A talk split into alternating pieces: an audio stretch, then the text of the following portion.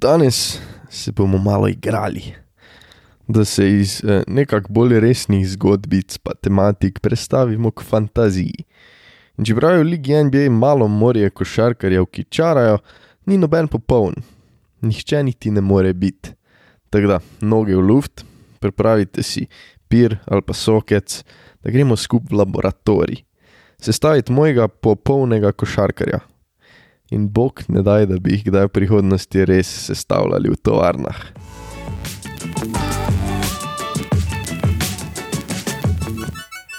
Pravila so dokaj preprosta. Pripravil sem 10 kategorij, 10 aspektov, ki jih bom sestavil v celoto. Vsako karakteristiko bom pobral od resničnega košarkarja, ki je trenutno aktiven v ligi NBA. Posamezno ime lahko uporabim samo enkrat, je bila pa zadeva mogoče malo težja, kot sem pričakoval.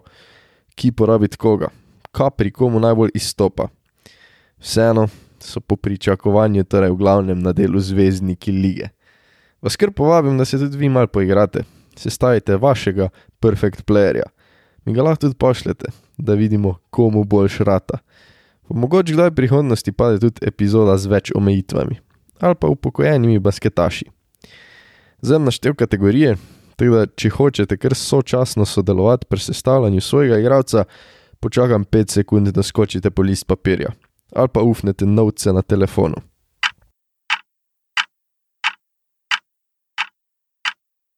Glavni fizični kategoriji sta telesni okvir in atletskost. Sem pa sem dodal še sposobnost vodenja žoge, driblanja, handles, kot bi rekli američani.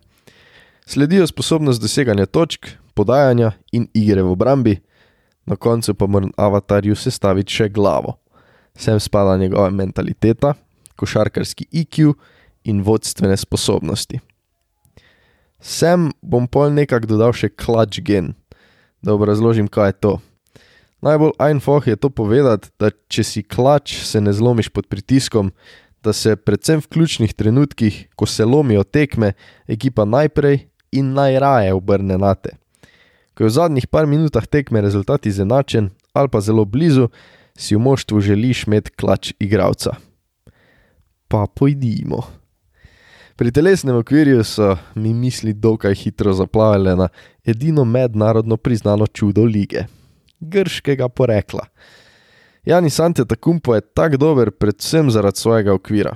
Je mišičast, ima dolge roke in noge, da stopa mimo, okoli in čez nasprotnike.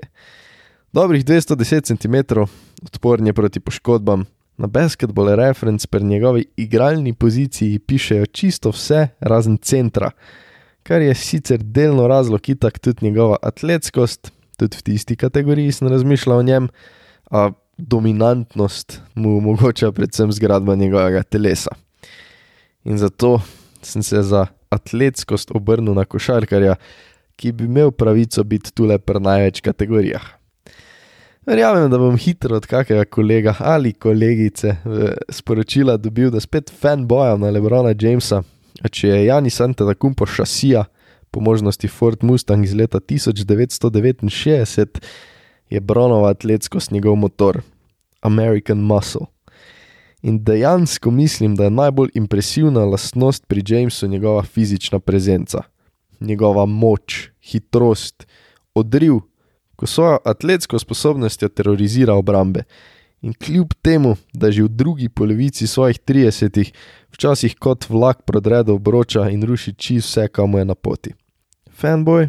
Verjetno a več kot 2 milijona letno, ki jo porabi za svojo pripravo, nista vržena skozi okno. In nenormalno je, da je kljub nazivu super veterana še vedno tako dominanten.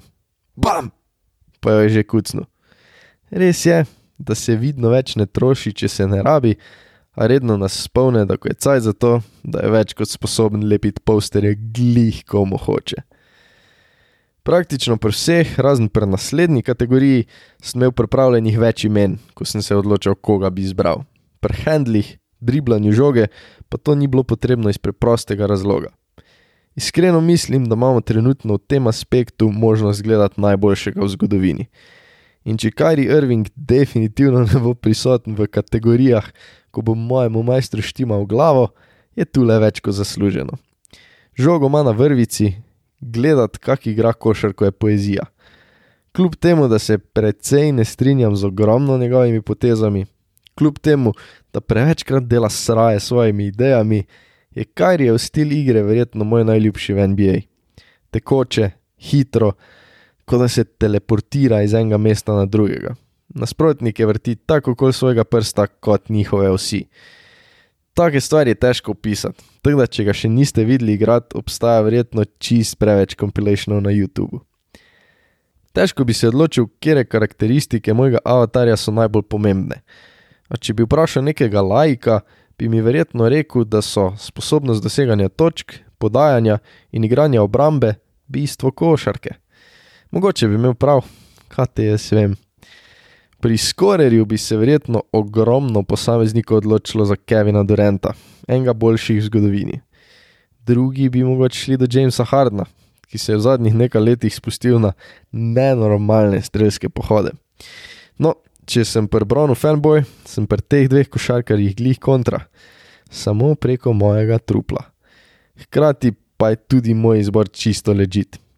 Steph Curry, edini nesporni, enoglasen MVP v zgodovini, trikratni prvak lige, tudi že strelski prvak, ki je lastno ročno spremenil ligo in jo postavil na zunanjo stran črte za tri. Najboljši šuter vseh časov, ki se znajde tudi pod obročem, tako da imamo pokrito celo igrišče.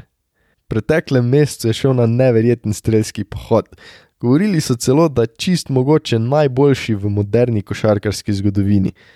V aprilu je imel dobrih 37 točk, ob več kot šestih zadetih tricah in več kot 47 odstotni uspešnosti iz začrte 7-24. Jezus, pošast.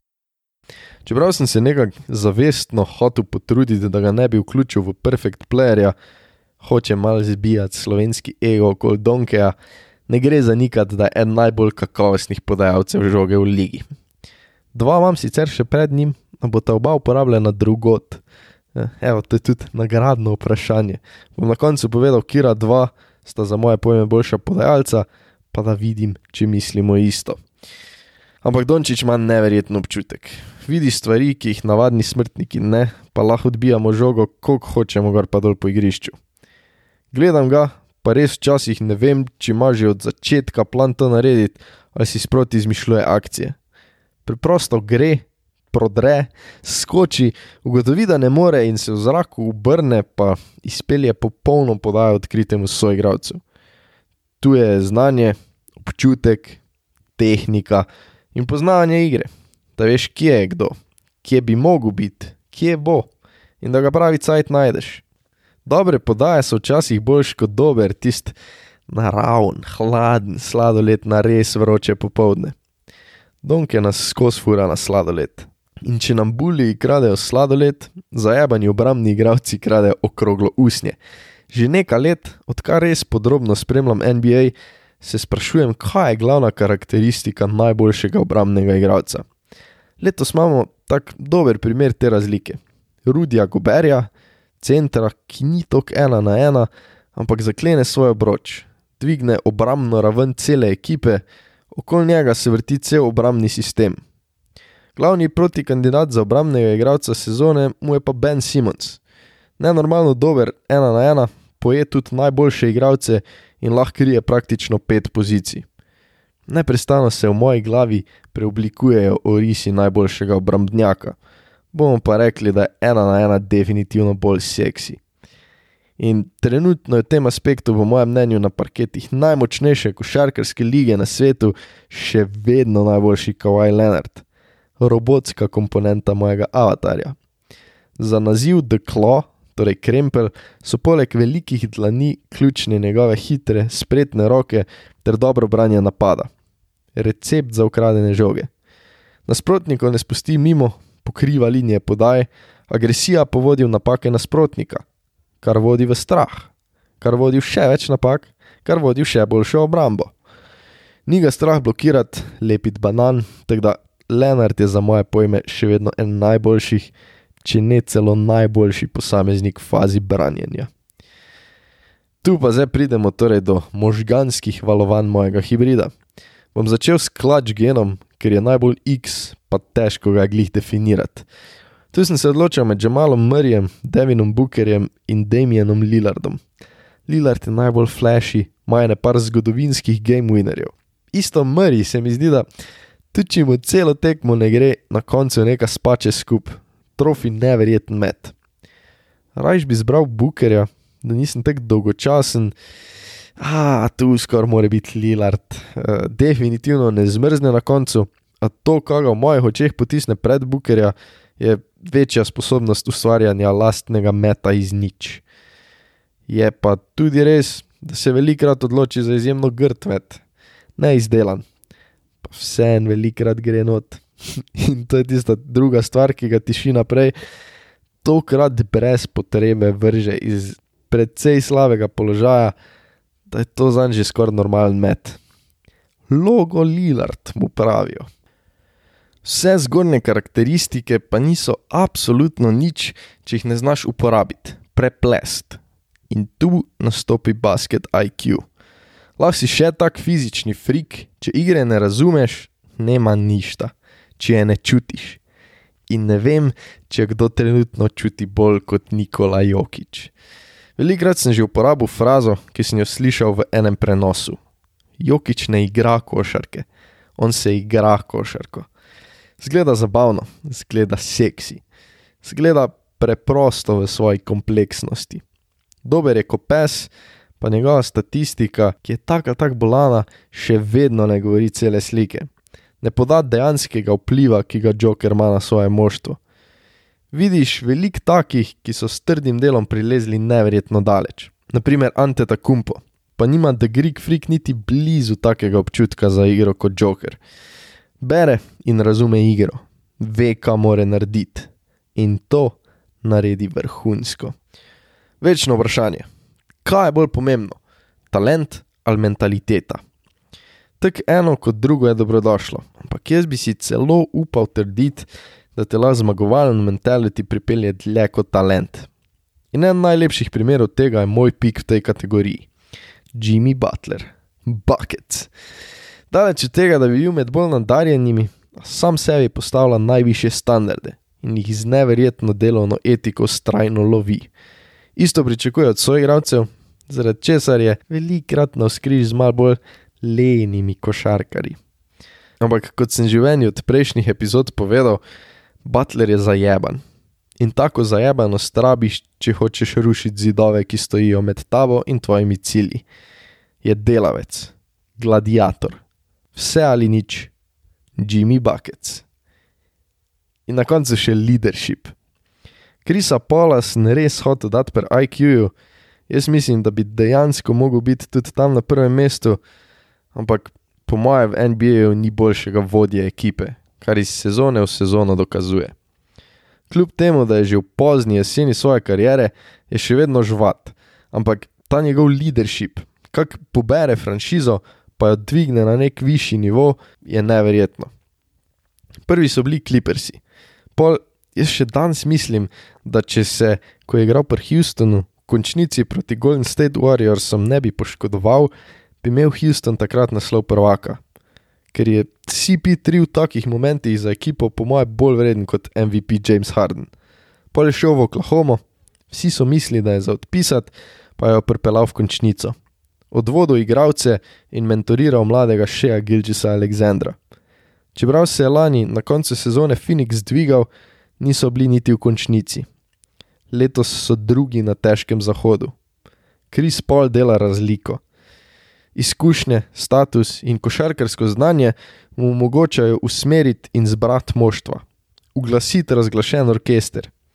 In zato je tudi tu kar easy izbor pa ga imamo, krem dela krem basketaš, moj hibrid. Dolžen sem vam še podajalca, ki jo imam pred Donkejem, to sta Lebron in Jokič. Vsi trije pa so preveč dobri. To je to. Telo Janisa Anteta Kumpa žene atletskost in fizična prezenca Lebrona Jamesa.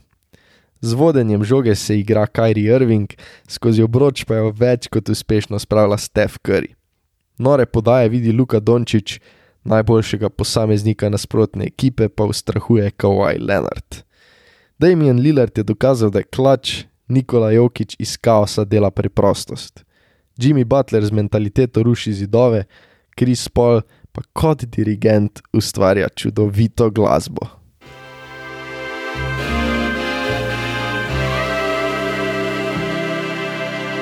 To je to za danes. Hvala vsem, ki ste poslušali. Izjemno pa vam vesel, če se odločite naročiti, oceniti ali pa napisati review, ker to face pomaga podkastu. Navdušen bom, če podate kak komentar, kritiko, tudi mogoče, kaj si želite slišati, ker je od naslednjih epizod. Najbolj pa vam vesel, če se odločite priporočiti prijateljem, ker vsaj v mojih očeh to pomeni, da vam je res od srca všeč. Se čujemo naslednji teden. Ajde!